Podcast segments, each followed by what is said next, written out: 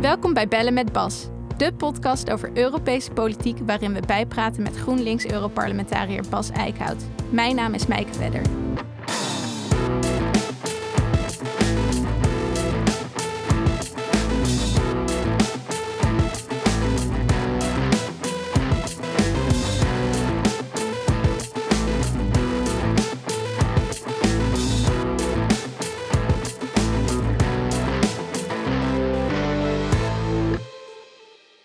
Deze week een aflevering bomvol klimaatplannen. Er werd in Brussel een deal gesloten over de Europese Klimaatwet, net op tijd voor de klimaattop georganiseerd door de Amerikaanse president Biden. En de Europese Commissie kwam met haar uitwerking van de duurzame taxonomie. Daarin wordt bepaald welke investering het stempel duurzaam mag krijgen. Kortom, genoeg om over bij te praten. Uh, hallo Bas, leuk hier te spreken. Hoe is het? Uh, ja, dit, uh, we hebben een nogal heftige klimaatweek achter de rug, zullen we maar zeggen. Ja. Dat is niet rustig. Nee, nee, nee, weinig geslapen, maar uh, ja. wel veel gebeurd. Dus daar doe je het wel voor. Ja, ja genoeg te bespreken, zoals ik al zei. Uh, ik denk dat we het best eerst even over de Europese Klimaatwet kunnen hebben. Um, ik wou even vertellen wat er eigenlijk aan vooraf is gegaan. Het begon eigenlijk met de Green Deal, die werd in 2019 uh, aangenomen, of die gelanceerd. Timmermans die, die presenteerde dat en noemde het een man on the moon moment. Um, en daarna zei de Europese Raad dat ze ook wilde dat uh, Europa in 2050 klimaatneutraal moest zijn. Um, en dat moest eigenlijk allemaal in een wet verankerd worden. Daarom kwam de Europese Commissie in maart 2020 met een voorstel voor een klimaatwet. Uh, daar stond al wel in dat in 2050 Europa klimaatneutraal moest worden. Maar voor 2030 werd nog geen uh, doel gesteld, want daar was nog meer onderzoek voor nodig, zeiden ze. Nou, daar kwam afgelopen september kwam, er, uh, kwam daar een voorstel op. Dat was min 55 procent. Dus een vermindering van 55 procent ten opzichte van 1990. En ehm, het Europees Parlement die werd het er toen over eens dat zij wilden dat dat 60% zou worden. Volgens mij wilden wij 65%. Uh, dat is namelijk volgens de wetenschap nodig om binnen een opwarming van anderhalve graad te blijven. Um, nou, en toen kwamen er dus onderhandelingen en daar is volgens mij nu overeenstemming over bereikt.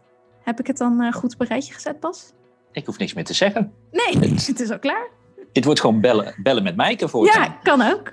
Eh, nee, dat klopt. Dit, dit is de samenvatting. Dus ja.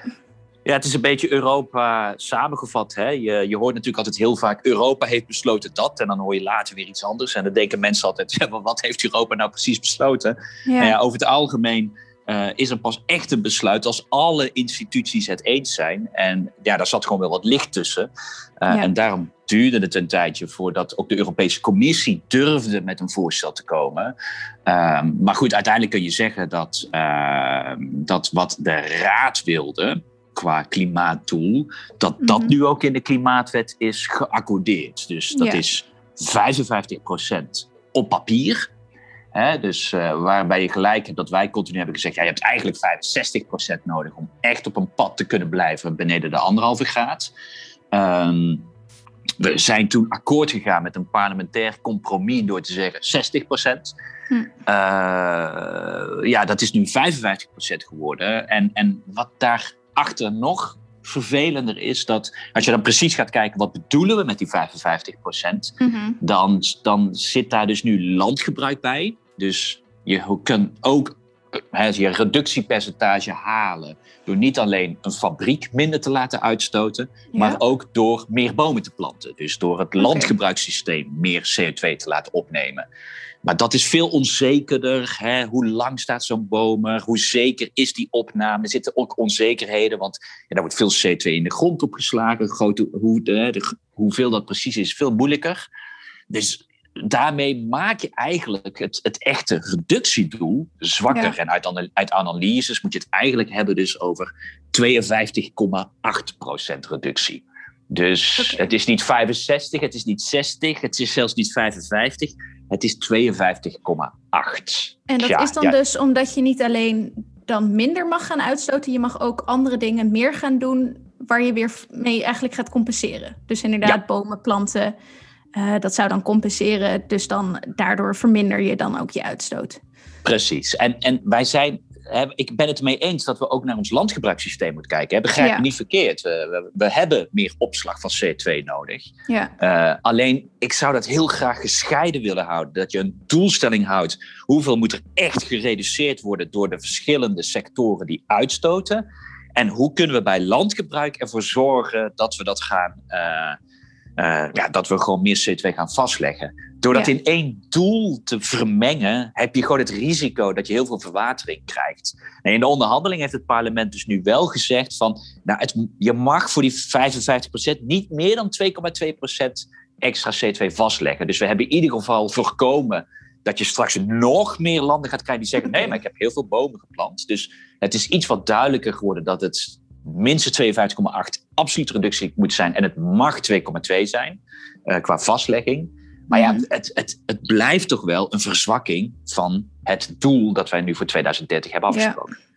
En uh, als het dan gaat over bijvoorbeeld dus bomen planten, gaat het dan om, om nieuwe bomen die je plant? Of mag je ook zeggen van hé, hey, wij hebben toevallig al een heel groot bos, dus dat compenseert ook, uh, dat nemen we ook mee? Of gaat het echt om nieuwe maatregelen? Nee, kijk, dit is dan een discussie die weer gaat komen nog. En daarom zijn we ook wat, wat, wat minder blij mee. Hè. In juni komt dat grote klimaatpakket. Dat hebben we nu mhm. al vaker aangekondigd, ja. volgens mij. Het wordt echt zo spannend, hè, juni. Ja, de spanning wordt opgebouwd. Man, man, man. Uh, nee, maar dus die, uh, dan worden ook de regels aangepast op hoe gaan wij landgebruiksuitstoot mm. precies uh, rapporteren. Hoe gaan we dat doen? Dat, dat heet voor de liefhebbers LULUCF. Ik zou zeggen, onthoud, onthoud die afkorting. Uh, en dat is natuurlijk ook onze kritiekpunt. Is van ja, we gaan ons nu al op een doel vastleggen. waarvan we straks nog de regels moeten aanscherpen. Mm. Want we hebben al regels, maar daar zitten precies dit soort discussies in. Hè? Uh, kijk, een bestaand bos mag je niet meetellen. maar je mag wel weer gaan meetellen als jij additioneel beleid doet waardoor een bestaand bos meer CO2 gaat opnemen, ja, misschien is dat ook wel klimaatbeleid. Ja. Nou, je kan je voorstellen, we kunnen hier nog hele lange discussies over krijgen. Als je dan een landgebruiksdoelstelling afspreekt, zorg dan eerst dat de regels heel duidelijk zijn voordat je dat doet. Ja, dat is mhm. dus nu niet gedaan. Nu hebben we een doelstelling met landgebruik en de landgebruiksregels gaan in juni verbeterd worden? Nou, ik zou zeggen succes, maar dit is één van de vele strijdpunten van het nu al befaamde juni-pakket. Ja, Oké, dus het is nu uh, afgesproken dat het dan 55% moet worden. Uh, of ja, minder in 2030. Maar wat die 55% dan precies gaat betekenen, dat hangt dus ook nog af van regels waar nog over gepraat gaat worden. Ja, nou, waar de commissie in juni. Uh, kijk, dit is een doelstelling. Hè? En, ja. en, en ja, papier is geduldig. En, hmm. en niemand, ook, ook bij de Europese Commissie niet, hè? ook Frans Timmermans niet, die zegt nu van, nou, dit was het. Nee, we hebben nu de doelstellingen in een wet vastgelegd. Is goed, maar ik moet wel zeggen, toen de klimaatwet, toen het akkoord er was, werd mij wel iets te veel overal verteld dat zeg maar, de wereldrevolutie nabij was. ja. Laten we het even, even heel simpel bekijken. We hebben nu eigenlijk de doelstellingen in een wet vastgelegd. Doelstellingen die de regeringsleiders op klimaatneutraliteit al in 2019 hadden geaccordeerd. En die 55% waren de regeringsleiders al mee akkoord in december 2020. We hebben dat nu in een wet vastgelegd. Ja. Oké, dat is goed, dat is belangrijk, maar mm, het is niet, niet baanbrekend. Dat echte moet nog ingevuld gaan worden in juni. En dan gaan we discussies mm. krijgen. Hoeveel moet de industrie doen? Hoeveel moet de transportsector doen? Wat gaan we doen met duurzame energie? Wat gaan we doen met het einde van de verbrandingsmotor? Wat gaan we doen met energiebesparing? En wat gaan we doen met landgebruik? Nou, al dat soort wetten, dat gaat in juni komen. En dat wordt wel een, eh, een monsterpakket, zullen we maar ja, zeggen. Dus dit is eh, de eerste stap eigenlijk pas. Ja, ja. Ja, en wat ik me ook nog afvroeg is, uh, als je dan zegt van het is 55 procent, uh, geldt dat dan voor de EU als geheel? Moet, uh, of, of echt voor iedere lidstaat? Of ja, kan daarin gecompenseerd worden? Hoe, hoe zit dat? Nou, dat was natuurlijk ook een discussie. Niet zozeer die 55 procent, want dat is gewoon een EU-doel. En we zijn het erover eens dat landen gewoon verschillende startpunten hebben dus, en ook verschillende mogelijkheden. Dus, wij, dus dat is altijd een EU-doel. Maar hierna gaat dus de commissie in dat befaamde juni-pakket bepalen ook zeg maar, een deel zal gewoon Europees zijn. Hè. Denk aan emissiehandel. Dan is gewoon de hele Europese industrie krijgt één bepaald doel daaronder. En die industrie gaat dan met emissiehandel zelf wel bepalen wie daar meer of minder aan doet. Hm. Maar die sectoren die niet onder emissiehandel vallen, en ook daar gaan we een discussie over voeren. Welke sectoren gaan onder emissiehandel vallen?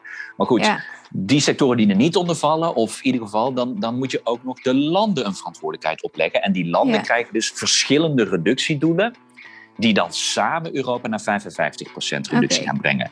De discussie in de klimaatwet was er wel over klimaatneutraliteit. En daar had het parlement gezegd, uh, klimaatneutraliteit, dus in 2050, ja, we hebben verschillende startposities, maar in 2050 moet elk land van de EU klimaatneutraal zijn. Ook dat hebben we verloren in de onderhandelingen. En hebben we dus opgegeven. Dus in de klimaatwet staat nu alleen dat de hele EU in 2050 klimaatneutraal moet zijn. En gaan we dus nog een gigantisch gevecht krijgen als een land als, Polen gaat zeggen: Nou ja, kijk, Duitsland moet maar gewoon wat extra gaan vastleggen. Dan kunnen wij nog wat uitstoten. Dus, dus dat debat hebben wij verloren. Dus, dus helaas geldt klimaatneutraliteit alleen voor de EU en niet per land. Dat is nog zo'n verlies van het Europees Parlement in deze onderhandelingen, helaas. En um, even voor de duidelijkheid, klimaatneutraliteit betekent dus niet dat er niks meer uitgestoten wordt. Het kan dus ook betekenen dat er wel uitgestoten wordt, maar dat dat weer ergens opgeslagen gaat worden. Precies, precies. Klimaatneutraal is precies dat hè, wat het zegt. Dus, dus anders hadden we gezegd nul uitstoot of wat mm. dan ook. Nee, onze gehele economie moet klimaatneutraal zijn. Er zullen sectoren zijn die nog wat uitstoten. Denk even aan de landbouwsector. Die moet echt minder gaan uitstoten. We hebben een leuke discussie ook in Nederland over de veestapel en dergelijke.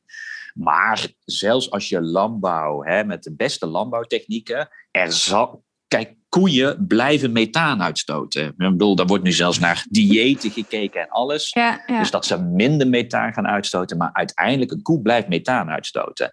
Dus een sector als landbouw zal nooit naar een nul uitstoot kunnen. Dus dan moet je dus, om klimaatneutraal te zijn, ergens anders extra vastleggen. Ja.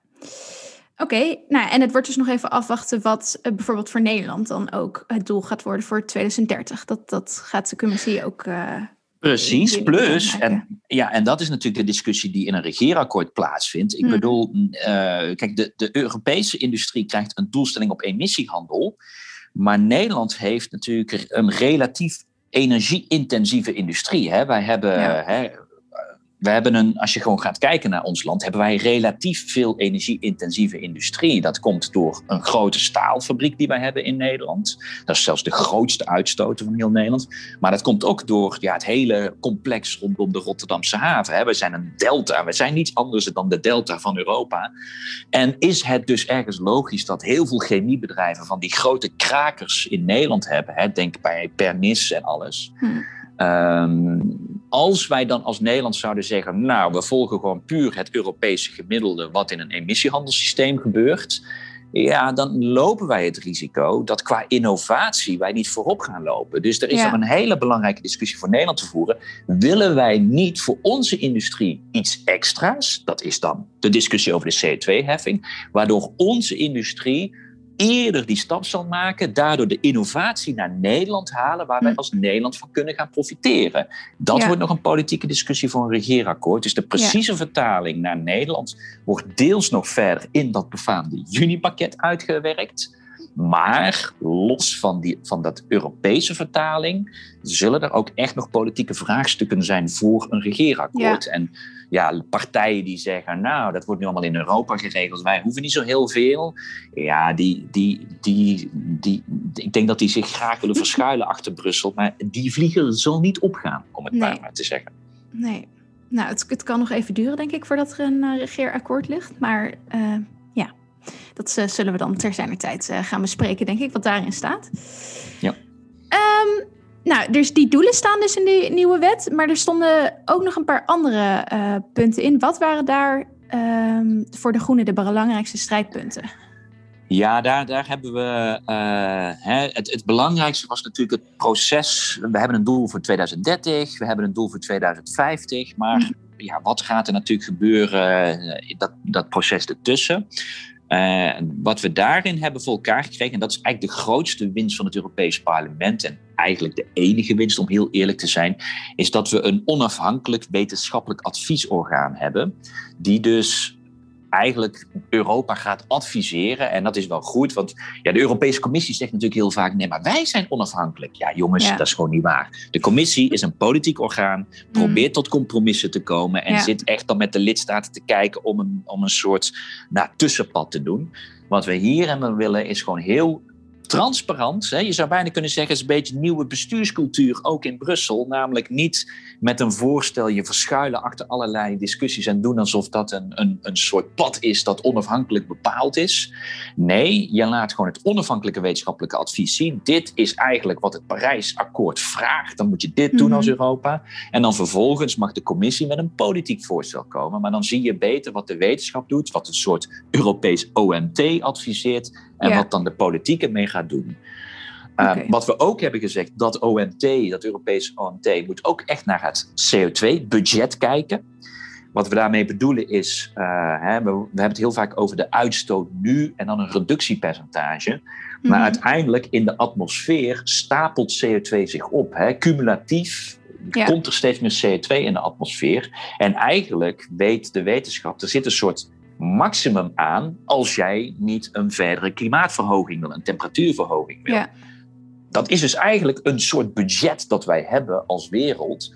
En als wij te veel nu al opsoeperen daarvan, ja, dan betekent dat we straks harder naar beneden moeten. Dus dat wetenschappelijke onafhankelijke adviesorgaan, hè, dat, dat OMT zullen we maar even noemen, ja. Uh, die gaat ook naar het C2-budget kijken. En zal dus ook dat meenemen in de overwegingen. Dat was een belangrijke eis van het parlement. Maar het is één van de overwegingen waar men naar moet kijken. Dus ja, dat, dat hadden wij graag scherper gewild. En wat ik als derde punt, en dan hou ik erover op, maar dat is echt wel heel jammer. Um, het parlement had ook dat in die klimaatwet gewoon het einde van de fossiele subsidies geregeld moest worden. Hm. En ook dat is helaas er niet doorheen gekomen. Uh, de, de commissie heeft wel beloofd te gaan kijken naar wat bedoelen wij met fossiele subsidies. Want daar was natuurlijk nog een discussie over. Ja, dat is helaas een beetje een zachte toezegging. En eigenlijk moeten we gewoon nu eens een keer wettelijk vastleggen: hou op met fossiele subsidies. Ja. Ehm, nou, ook die discussie is eigenlijk gewoon puur uitgesteld. Dus nogmaals, ja, het Europees Parlement heeft helaas niet zo heel veel binnengehaald. Nee, nee dat onafhankelijk adviesorgaan, maar voor de rest valt het uh, een beetje tegen, begrijp ik. Ja, ja. Oké, ehm, om dan nog even vooruit te kijken. Nou, ik zal het nog maar een keer zeggen. In juni komt dus dat klimaatpakket waar nog welk, een hoop... Welk, welk, klimaatpakket? daar moet nog een hoop duidelijk worden. Uh, en we hebben in het najaar de COP, die is uitgesteld. Uh, en die vindt nu, ja, even voor de duidelijkheid, dat is de, de Conference of the Parties. Dus dat is waar alle regeringsleiders bij elkaar komen om te kijken hoe het staat met de stand van het Parijsakkoord, toch? Ja, in het VN-klimaatverdrag uh, hebben wij uh, afgesproken dat we elk jaar bij elkaar komen. Dat is de befaamde klimaattop. Nou, soms zie je altijd weer andere dingen en dan denken mensen alweer een klimaattop. Maar bijvoorbeeld mm. wat we afgelopen week zagen was een klimaattop georganiseerd door Joe Biden. Dat was niet de, de VN-klimaattop, maar dat was gewoon Amerika die zich even op het podium wilde zetten. Ja, daar gaan we het uh, over hebben zo. Ja, ja, maar we, gaan, we hebben één VN-klimaattop en... Uh, dat zal plaatsvinden in Glasgow, als het mhm. doorgaat, hè, corona, corona. Maar het, het, is een jaar uitgesteld, gaat waarschijnlijk door in november.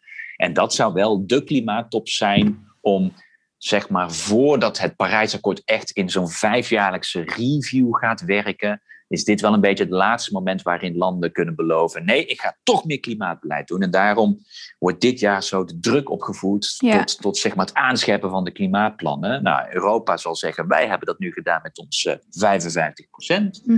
Ehm, en ja, ik zou zeggen, Joe Biden heeft zich onlangs ook daar uh, zeg maar op het podium neergezet daarvoor. Ja, want die kop, die VN-klimaatop, die vindt ieder jaar plaats. Maar volgens mij om iedere vijf jaar uh, is er weer druk om ja, nieuwe, ambitieuzere doelen te stellen. Ja, kijk, elk land kan natuurlijk elke dag zeggen: ik ga toch ambitieuzer worden. Hè? Niemand zal een land tegenhouden. maar uh, we weten ook een beetje dat er altijd publieke en, en politieke druk voor nodig is. En daarom is in dat Parijsakkoord een soort vijfjarige cyclus ingebouwd. Ja. En nou ja, eind 2020, dat is door corona nu even eind 2021 geworden, was zo'n moment om het zeg maar te laten opbouwen tot dan bam. En dan gaan we weer even vijf jaar uitvoeren. En dan na vijf jaar, 2025, naar 2025, komt er weer een nieuw druk moment van we moeten meer doen. Ja. ja, en die druk wordt inderdaad, zoals je zei, nu uh, eigenlijk al opgebouwd.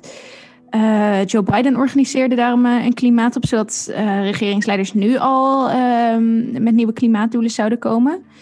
Uh, dat was waarschijnlijk ook reden om deze week die, die Europese klimaatwet te presenteren. Om daar uh, overeenstemming over te bereiken. Daar gaan we het zo over hebben. Maar ik wou eerst nog even naar een vraag van een luisteraar.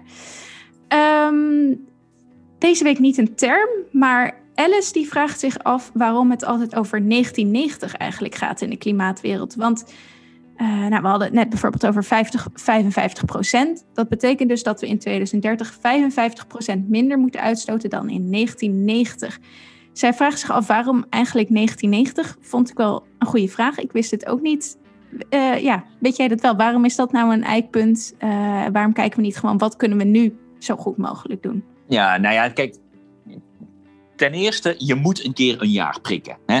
Dus het, is, het begint natuurlijk met, hè, je, je moet gaan reduceren ten opzichte van wat. Hmm. Uh, dus je moet een keer ergens een, een, een datum gewoon prikken. Um, je ziet nu ook dat sommige landen daarvan afwijken. Hè? Uh, ja. En daarom moet je altijd die beloftes altijd even goed, uh, uh, goed, goed, goed zeg maar checken. En daar is eigenlijk Obama mee begonnen. Uh, ik weet iedereen altijd Obama held, maar echt waar. Ik wil nogmaals benadrukken op klimaat heeft hij echt wel een politieke discussie gestart, maar qua actie heeft hij niet zo mhm. heel veel van de grond gekregen in Amerika. En toen hij dus met allerlei doelstellingen kwam, heeft, heeft hij het Amerikaanse basisjaar 2005 gemaakt. Ja. Wat, uh, wat natuurlijk een beetje een truc is. Uh, want als jij heel veel jaar geen klimaatbeleid doet, en Amerika had jarenlang niks gedaan, dan stijgt jouw uitstoot dus maar vrolijk door. En dan, ja, als je een beetje jouw hoogste jaar kiest, dan heb je heel ja, snel. Het heel een, makkelijk ja, klinkt ja, het reductie, ja, het reductiepercentage klinkt heel snel heel indrukwekkend. Ja. Voor Europa is 2005 helemaal niet voordelig, omdat wij in Europa, hè, 1990, uh, tussen 1990 en 2000 is natuurlijk de helft van Europa in een gigantische economische crisis terechtgekomen. Mm. De val van het communisme. Dat heeft Polen gigantisch laten crashen en Soms hoor je nu dus Polen zeggen: wij hebben het meeste gereduceerd van alle Europese landen. Ja, dat is vooral omdat ze in de jaren 90 gewoon een hele economie hebben laten crashen. Ja. Uh, dus dat is nou niet helemaal het klimaatbeleid dat wij propageren. Uh, dus, dus Europa heeft wel een uitstoot die is verkleind tussen 1990 en 2005. Dus als wij ons zouden verplaatsen naar 2005, wordt het reductiepercentage juist minder. Dus daarom is het ook zo. Wie is er nu ambitieuzer? Is het heel vaak, nou ja, ligt aan ten opzichte van elk jaar. Maar goed, de VN heeft gekozen in 1990 en eigenlijk is dat heel banaal. Um, de eerste echte afspraak was in Kyoto. Mm-hmm. Het Kyoto-protocol was in 1997. Dus uh, nou, dan kies je je eerste jaar op een moment uh, dat daarvoor zit dus, want daarna kan niet. Uh, en zoals je ook kan voorstellen, een jaar veranderen wordt heel moeilijk. Want wat ik net al schetste, voor het ene jaar is dat voor het ene land is dat positief, het andere land niet. Dus ja. nou, VN-stijl is, we houden maar even vast aan 1990. Dus waarom 1990? Nou, dat was het eerste ronde jaar voor Kyoto. Maar ook niet onbelangrijk. Dit was ook een beetje een truc om Rusland aan boord te krijgen. Want in het Kyoto-protocol werd gezegd: de ontwikkelingslanden hoeven niet. Maar de mhm. rijke landen moeten wel. Oh, en ja, ja. in de wereld van Kyoto zat Rusland in de landen, hè, de, de landen die wat moesten. Uh, en toen is er afgesproken, nou die landen, dat zijn landen in transitie, die krijgen een nuldoelstelling. En als je dan 1990 kiest, ja, Rusland, ook daar was een economie gecrashed. Dus voor, 19, voor Rusland is 1990 een, een heel prettig jaar. Ja. Dus, dus om, om die ook aan boord te krijgen, daardoor was Kyoto pijnloos voor Rusland. Uh, en was eigenlijk Kyoto alleen maar iets voor Amerika, Canada, Japan, Australië, Nieuw-Zeeland en Europa. en Rusland vond het prima, want ja, door hun instorten haalden ze elk doel waar ze afspraken toen in 1997. Dus die twee redenen, gewoon een rond jaar voor Kyoto, plus ook om de Russen aan boord te krijgen, is het tot 1990 geworden en praten we daar nog steeds over. Oké, nou ik denk dat dat eh, de vraag wel beantwoordt. Heb jij ook een brandende vraag over een moeilijke Europese term? Geef hem dan door via vriendvandeshow.nl slash bellen met Bas.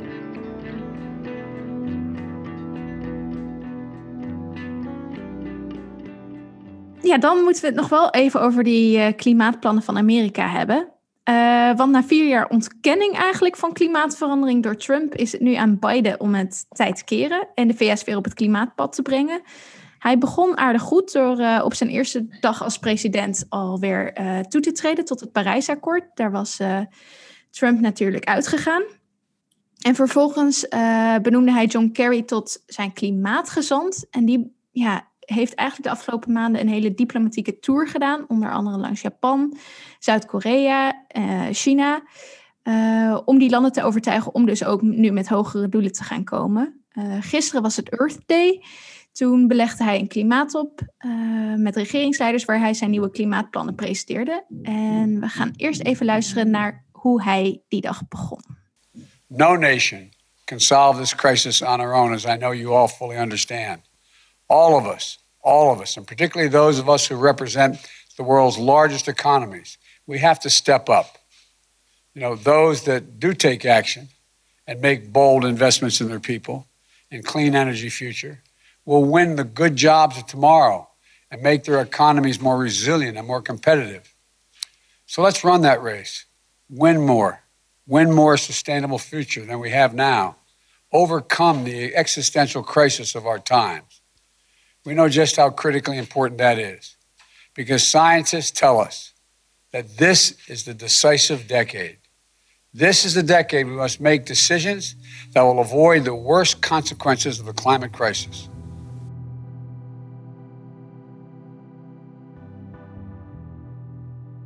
Ja, nou, dat zijn eigenlijk uh, mooie woorden, maar hoe, hoe kijk jij daarnaar? Wat, wat vond je van uh, wat hij daar presenteerde gisteren? Hij speecht wel minder dan Obama. Hè? Het is wel, uh, er zit totaal geen cadans in. Ze zegt ze, ah, ah. het is een beetje ehm, het, horten en stoten. Ja. Maar dat was niet je vraag volgens mij. Um, nee. Nee, nee, kijk, ja, weet je, um, dubbel antwoord. Enerzijds, het is natuurlijk gewoon ongelooflijk goed dat Amerika terug is. Amerika is uh, ondertussen de tweede uitstoter ter wereld. Hè. China is één, Amerika is twee. Het is gewoon een grote vervuilende economie. Ehm, vier jaar lang hebben ze niks gedaan, ehm, of, of alleen maar schade. Ehm, daarmee ook geïnspireerd typetjes als Bolsonaro, die zich uh, zeg maar in de schaduw van hm. Trump uh, veilig voelden ja, het is gewoon gigantisch belangrijk dat Amerika weer op dat podium staat en ook heel duidelijk maakt: wij gaan weer klimaatbeleid voeren en ook wij willen klimaatneutraal worden. Dat is gewoon belangrijk. Dat ook Amerika nu zegt: wij gaan klimaatneutraal. Kijk, in Europa is, is dat een soort geaccepteerd iets geworden. Terwijl dit ook nog voor Europa echt een uitdaging is. Hè. Dat, is dat kan ik niet vaak genoeg benadrukken. Dit is een hele forse uitdaging. Um, maar in Amerika, klimaatneutraal is echt nog veel verder weg in de geesten van de Amerikanen. Ja. En dat nu gewoon hun president zegt: wij gaan ook klimaatneutraal worden. En weet je wat, in 2030 gaan wij 50 tot 52 procent onze uitstoot verminderen ten opzichte van 2005. Ja, dat is dan dus, dus wel even opvallend. ja, iets minder dus dan, dan het klinkt. Uh, ja. Maar, maar dat, dat, dat is gewoon, uh, um, gewoon super belangrijk. En, en wat je meteen ziet, de Amerikanen krijgen het voor elkaar om dan die druk op te voeren, zodat China ja, toch weer op dat podium komt. Overigens, China heeft niet zo heel veel meer toegezegd. Maar Japan, Japan heeft, heeft meer beloofd viel een beetje tegen, maar heeft meer beloofd. Uh, Brazilië heeft in één keer gezegd: wij gaan ook klimaatneutraal worden. En dat is dan dus echt te danken ook aan, aan die houding van Amerika nu? Ja, ja, ja, dat is toch de kracht van Amerika. Die hmm. weet toch met haar diplomatieke, ja, ik zou zeggen, met haar diplomatieke megafoon. Uh, weten ze de druk op te voeren op landen om dan toch ook stappen te zetten. Ja, ja dat, en dat, dat, dat lukt Europa gewoon minder. Hè? Dat, dat, of we dat nou leuk of niet vinden, en dat lukt Europa minder dan Amerika. Ja. Ja, ik heb uh, Van der Leyen, die heeft niet zo'n diplomatieke tour als, als Kerry uh, volgens mij gedaan. Om inderdaad met al die mensen echt te gaan praten ook van over hun ambities, of wel? Nee, nee, nee. nee ja, en dat is een beetje de Europese makken. Dat moet me toch een beetje van het hart. Um, um, ja, sorry, maar wij hebben wel EU-China-toppen gehouden. We hebben EU-India-toppen gehouden. Maar dat is typisch Europees georganiseerd. Dat, dat behandelen wij alsof het een EU-top is. Weet je wel, als die regeringsleiders bij elkaar komen, dan gaan er weken daarvoor ambtenaren de conclusies voorbereiden, zodat dan op het laatste moment, als dan de regeringsleiders bij elkaar komen, er zijn er nog drie open plekken, er moet er nog een jaartal ingevuld worden en daar gaan de regeringsleiders over bakkeleien en dan zijn we eruit. Ja zo zijn we ook met een EU-China-top. Dus dan gaan er Sherpa's, wordt dat dan genoemd, die gaan conclusies opschrijven, die gaan ze met China uit onderhandelen op ambtelijk niveau. Nou, ik kan je melden, op ambtelijk niveau weet je elke tekst zo te verwoorden dat, dat het eigenlijk niks meer zegt en iedereen mee eens is. Hm. En dan is dat uitonderhandeld en dan op het allerlaatste moment vliegen wij onze politieke hotshots in ja, en die mogen dan zeggen, handtekening eronder. Maar die conclusies zijn niet zeggend, zijn vaag, zijn bla bla, weet je wel. Wereldvrede ontbreekt nog net, mhm. maar daar zijn we ook voor. Ehm, de Amerikanen die sturen gewoon John Kerry en die gaat niet zeggen van laten we zoveel conclusies hebben. Nee, dat komt later wel. Ik wil nu van jullie een politieke toezegging. Wat gaan jullie politiek toezeggen? En, en eigenlijk, ik ga deze Kamer niet uit voordat mij dat duidelijk is. Dat is zo'n andere stijl die Europa op zich wel zou kunnen, maar ons probleem is natuurlijk, wij hebben niet zo'n gezant als Biden. En als we zo, uh, als John Kerry, en als we zo'n gezant zouden hebben, moet hij waarschijnlijk eerst alle hoofdsteden van Europa langs, voordat hij weet wat hij mag gaan zeggen als hij naar Peking reist.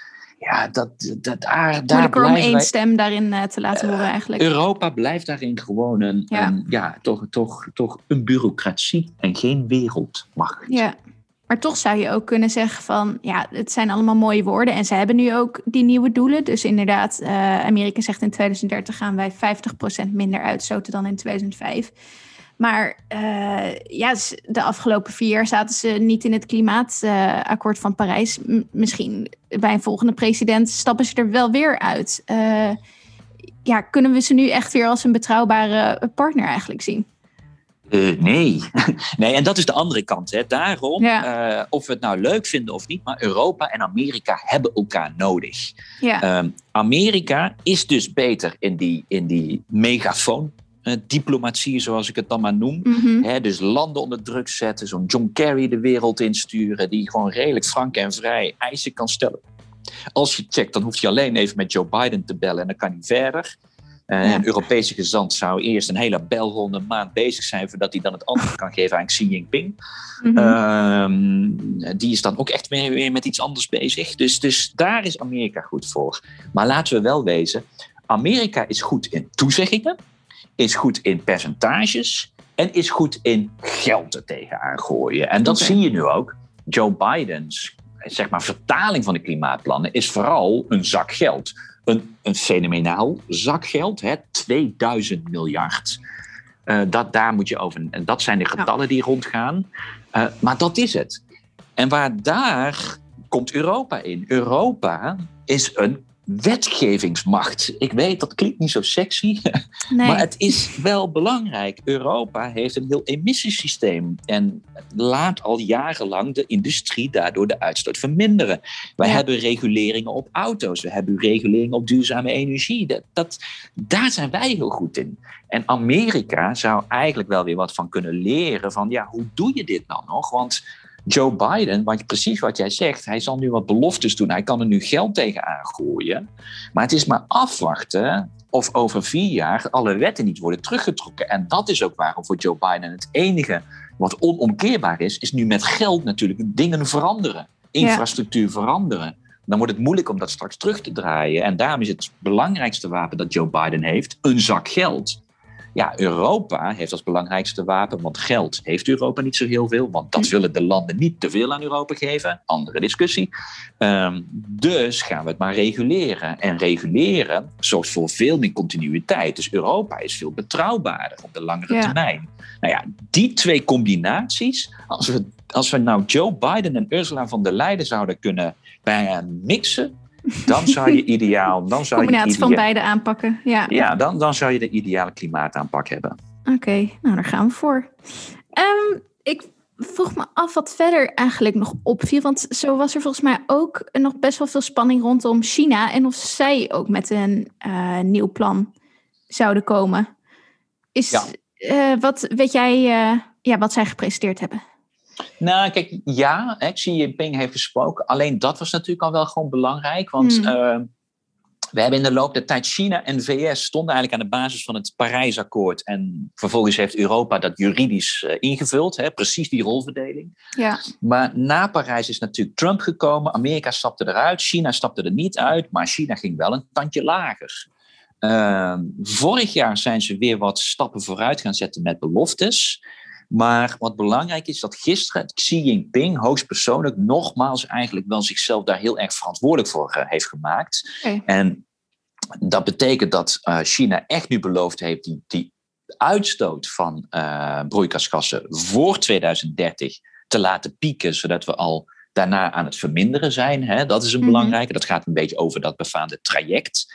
En ze zijn dus in 2060 uh, eh, willen zij koolstofneutraal zijn. Niet klimaatneutraal, maar koolstofneutraal.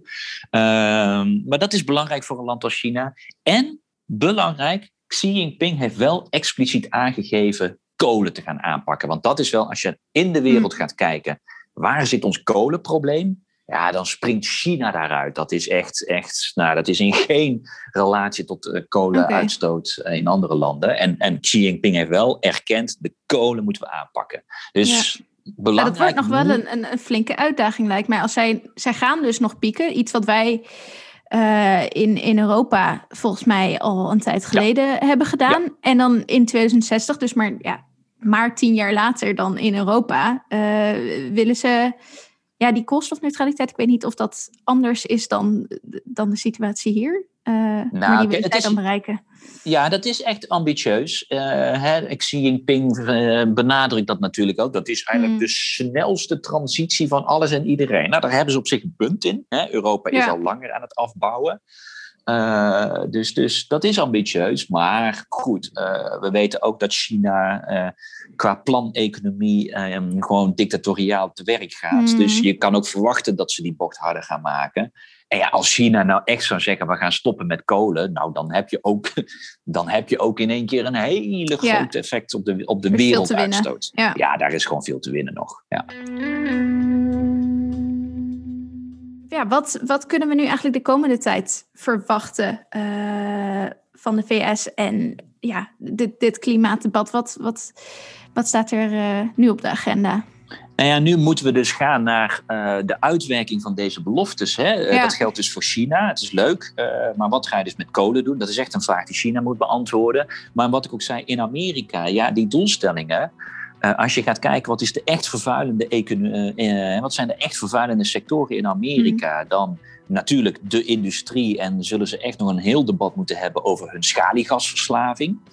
Uh, dat is een vervuilende manier van gas oppompen. Dat is niet uit mhm. gasvelden, maar uit eigenlijk gas dat veel meer in de bodem zit verdeeld. Nou, dat doen ze in een aantal staten nogal fors. Overigens staten die heel belangrijk qua swing states zijn. Hè. Denk Pennsylvania. Okay. Dus dat, dat is een politiek uh, lastig debat dat Joe Biden nog gaat krijgen. Um, transport is natuurlijk heel groot in Amerika. Nou ja, um, openbaar vervoer in Amerika, dat is niet, niet, een, niet zeg maar twee, twee begrippen die je snel in één zin kan uh, bedenken.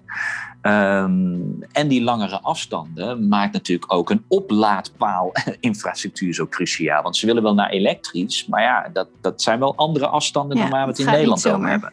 Ja. Dus dat is nog een hele belangrijke. En de derde is de bebouwde omgeving. Ja, ik weet niet of je wel eens in Amerika bent geweest, maar Daar mhm. zijn veel huizen die niet echt heel erg lekker geïsoleerd zijn.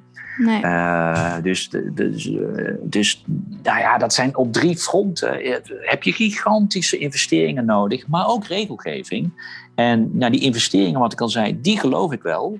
Maar wat gaat er qua regelgeving nog komen? Dat wordt interessant. Ja. En, en daarin kan dus Europa weer leidender zijn, omdat wij dus al beloofd hebben met die regelgeving qua voorstel, in ieder geval in uh, juni. Hebben we dat al gezegd, dat dat in juni komt? Ja, ik heb ervan okay. gehoord. Oké, ja. Nou, en dat is dus allemaal nog dit jaar op weg naar die Glasgow-top die dan in november uh, plaatsvindt.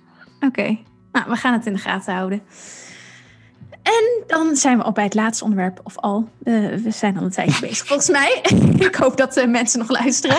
ja, maar ik je hoort nu mensen al, al, al. ja, ja, ja. Uh, nee, fijn als je nog luistert. Maar ik wil het toch nog heel graag even hebben over de taxonomie. Ehm, even ter achtergrond. Jij leidde de onderhandelingen op dit onderwerp in het Europees Parlement. de taxonomie voor duurzame investeringen, dat is in het kort een systeem met klassificeringen van wat gezien mag worden als een duurzame investering. Dat was namelijk nodig, want eerder vond er greenwashing plaats van deze investeringen. Dat mensen konden gewoon zeggen: dit, dit, dit is groen. Maar dat was eigenlijk nergens vastgelegd wat, ja, wat dan groen is. Um, leg ik het zo goed uit? Ja, ja, ja. ja, en er is nu dus een akkoord bereikt tussen de commissie, de regeringsleiders en het Europese parlement over de uitwerking van die, uh, die taxonomie. Waarin. Uh, daar, precies daar niet helemaal. Oké. Daar, nee, nee want kijk, ja, dat, dat, uh, je ging helemaal goed, die wetgeving. Uh -huh. En die is geaccordeerd in uh, december 2019. Ook december was zo'n heerlijke periode. Ik weet nog dat ik de laatste onderhandeling uit Madrid heb gedaan, waar toen de klimaattop was. Oh, dus uh, dus uh, dat was net zo'n periode. Het lijkt soms echt in weken samen te ballen die helemaal gek ja. zijn. Um, en dat was afgelopen week ook weer het geval, inderdaad. Mm -hmm. maar de wet was met onderhandelingen tussen raad, parlement, hè, lidstaten, Europees parlement en de commissie. En die was af in december. Okay, maar je kan je voorstellen. Ja, precies, die was af. Dus toen hebben we het kader gezet. Maar je kan je natuurlijk voorstellen, als wij zeggen, uh, je moet dus met deze en deze voorwaarden, kan dat straks een groene investering zijn. Mm -hmm. Maar die, deze en deze voorwaarden zijn redelijk algemeen verwoord. Uh, uh, je mag geen schade doen. Je mag geen uh, nieuwe fossiele lock-in uh, creëren. dat je ja. een soort nieuwe verslaving van fossiel creëert. allemaal dat soort teksten staan in die wetgeving, maar dat is nog algemeen. Vervolgens moet de Europese Commissie dat gaan uitwerken. Die moet dan per economische activiteit, echt letterlijk. Dus dan ga je per economische activiteit voor de chemie, voor de auto-industrie, voor de bosbouw, hè, allemaal op dat niveau, gaan ja. ze dan zeggen: oké, als jij een investering doet die dan op deze grens uh, positief uitvalt, dan mag je groen zijn, anders niet. Mm -hmm. En in één keer, en dat, was, en dat heet in het Brusselse jargon een Delegated Act. Mm -hmm. Dat is dus eigenlijk een uitwerking van een, uh, van een Europese wet. Uh, en dan kan het Europees Parlement en de lidstaten kunnen dat niet meer aanpassen. In principe, als die Delegated Act wordt gepubliceerd, dan is het alleen nog maar ja of nee. Zijn we akkoord of niet? Dat is dan ook wat bij zo'n uitwerking past.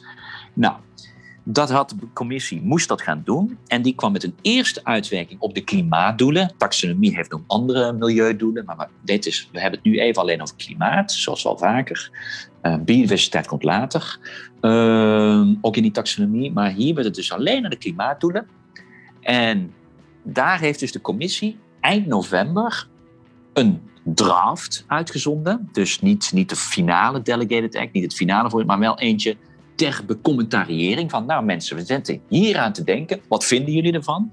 En toen had je ineens echt een annex met 100 pagina's, waarin elke sector gewoon een ja. keiharde grens krijgt aangeboden. Beneden hier ben je wel groen, daarboven niet. Nou, je kan je voorstellen, dat leverde me een lobby op. Dat, dat hmm. is ongeëvenaard. Okay. Uh, op alle fronten. Ook landen werden allemaal heel zenuwachtig.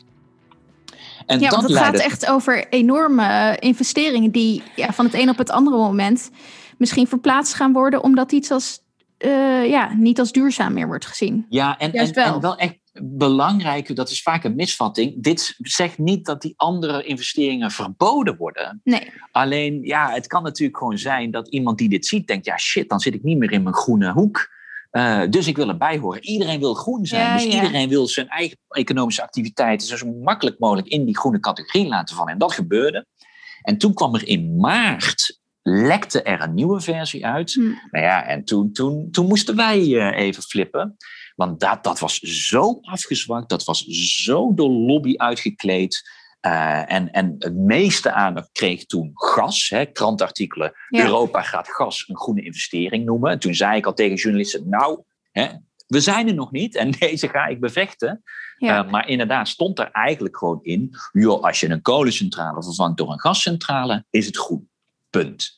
En daar waren geen voorwaarden meer aan gekoppeld, zoals maar het mag niet tot een lock-in leiden of wat dan ook. Dat stond er allemaal niet. Voor de komende vijf jaar mag een gascentrale als het de kolencentrale... Omdat dat alsnog uh, minder uitstoot zou zijn. Precies, dat was de redenering. Maar ja, wij hadden gezegd, oh, oh, de wet heeft daar dus allerlei voorwaarden aan gekoppeld. Dus commissie, je kan dit gewoon zo niet doen. Nou, dat was een heel gevecht. En vervolgens is het alleen nog maar weken gegaan over gas. En tot op het hoogste niveau. Hè. Dit is echt regeringsleiders die bellen en brieven schrijven en alles. En ik die in dat strijdgevoel ook nog probeer wat te doen. uh, het is ook soms een beetje die muis die naast die olifant staat. Wat, wat stampen we lekker? Ehm, maar goed, uiteindelijk ook deze week is er een voorstel gekomen. En de Europese oplossing. En we komen er niet uit met gas. Dus we hebben nu een voorstel op al die economische activiteiten. Maar gas halen we eruit en gaan we in het najaar op terugkomen.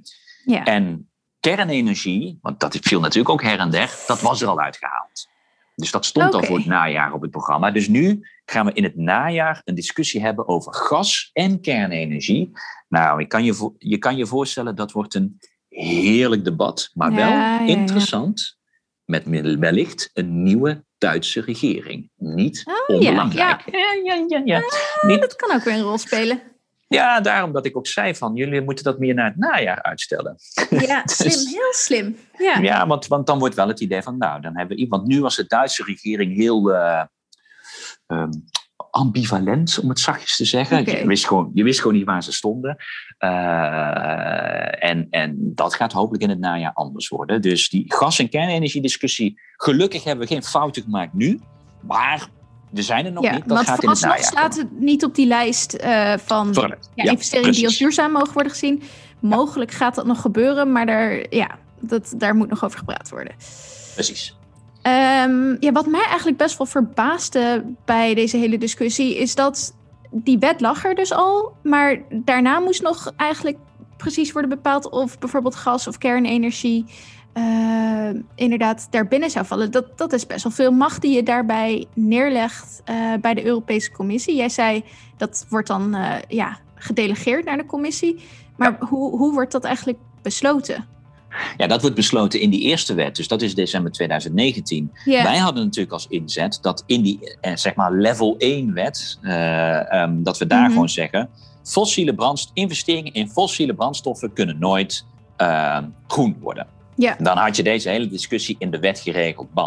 Dat is ons toen niet gelukt. Dat is namelijk geworden all solid fossil fuels. Met andere mm. woorden, steenkool.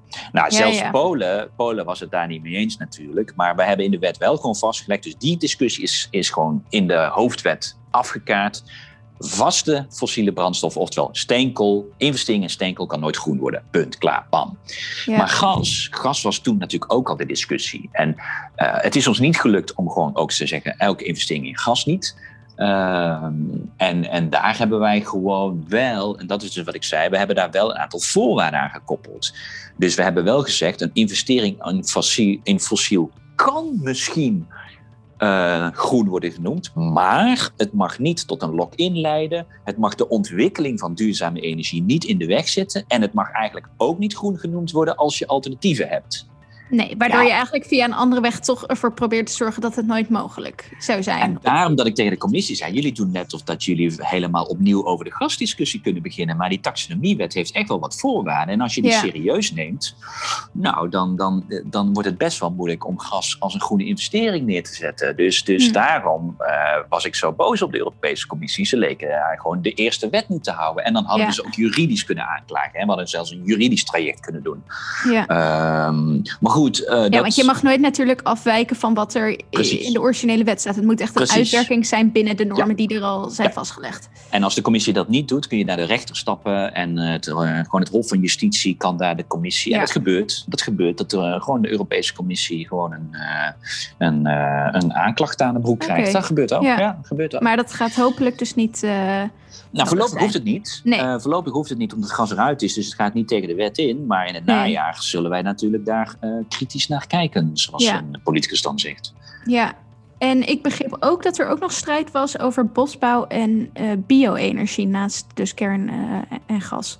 Ja. Hoe zit dat? Ja, ja, en dat was natuurlijk het super irritante. Dit is ons altijd ons probleem in, in Europa. Um, je hebt dus bijna op elk dossier heb je Oost-Europa. Op duurzaamheid heb je bijna altijd wel Oost-Europa tegen je. Mm. landen als Polen kun je bijna altijd al wel in je tegenkolom inboeken. Als je gewoon aan het berekenen bent, gaan we een meerderheid halen, kun je wel Polen alvast aan het, in het nee-kamp in, uh, indelen. Ja. Zodra het gaat over biomassa, zodra het gaat over bosbouw, gaan in één keer Finland en Zweden echt naar het nee-kamp.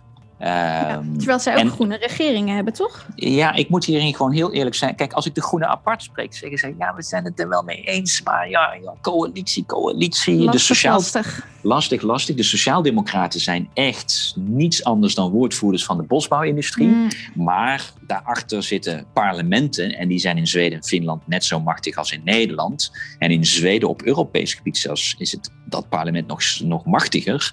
Mm. Um, daarachter zit een hele rechtse meerderheid die gewoon heel kritisch de regering. Dus zelfs als de regering het anders zou willen. Ja, in Zweden is het een minderheidsregering, dus, dus krijg je het parlement tegen je. Ja. Ehm, dus, dus ja, de Zweden en de Finnen. Lastig navigeren. Ja, die, die hebben dit moeten slikken. Met, met spijt. Dus als ik ze apart wil zeggen ze sorry, maar dit wordt nu de lijn van onze regering. Ja. Uh, en en ja, dat, die was gewoon zo slecht dat dus de commissie heeft gezegd: ja, we gaan nu te veel landen tegen ons krijgen. Dus op bosbouw en bio-energie gaan wij Finland en Zweden hun zin geven.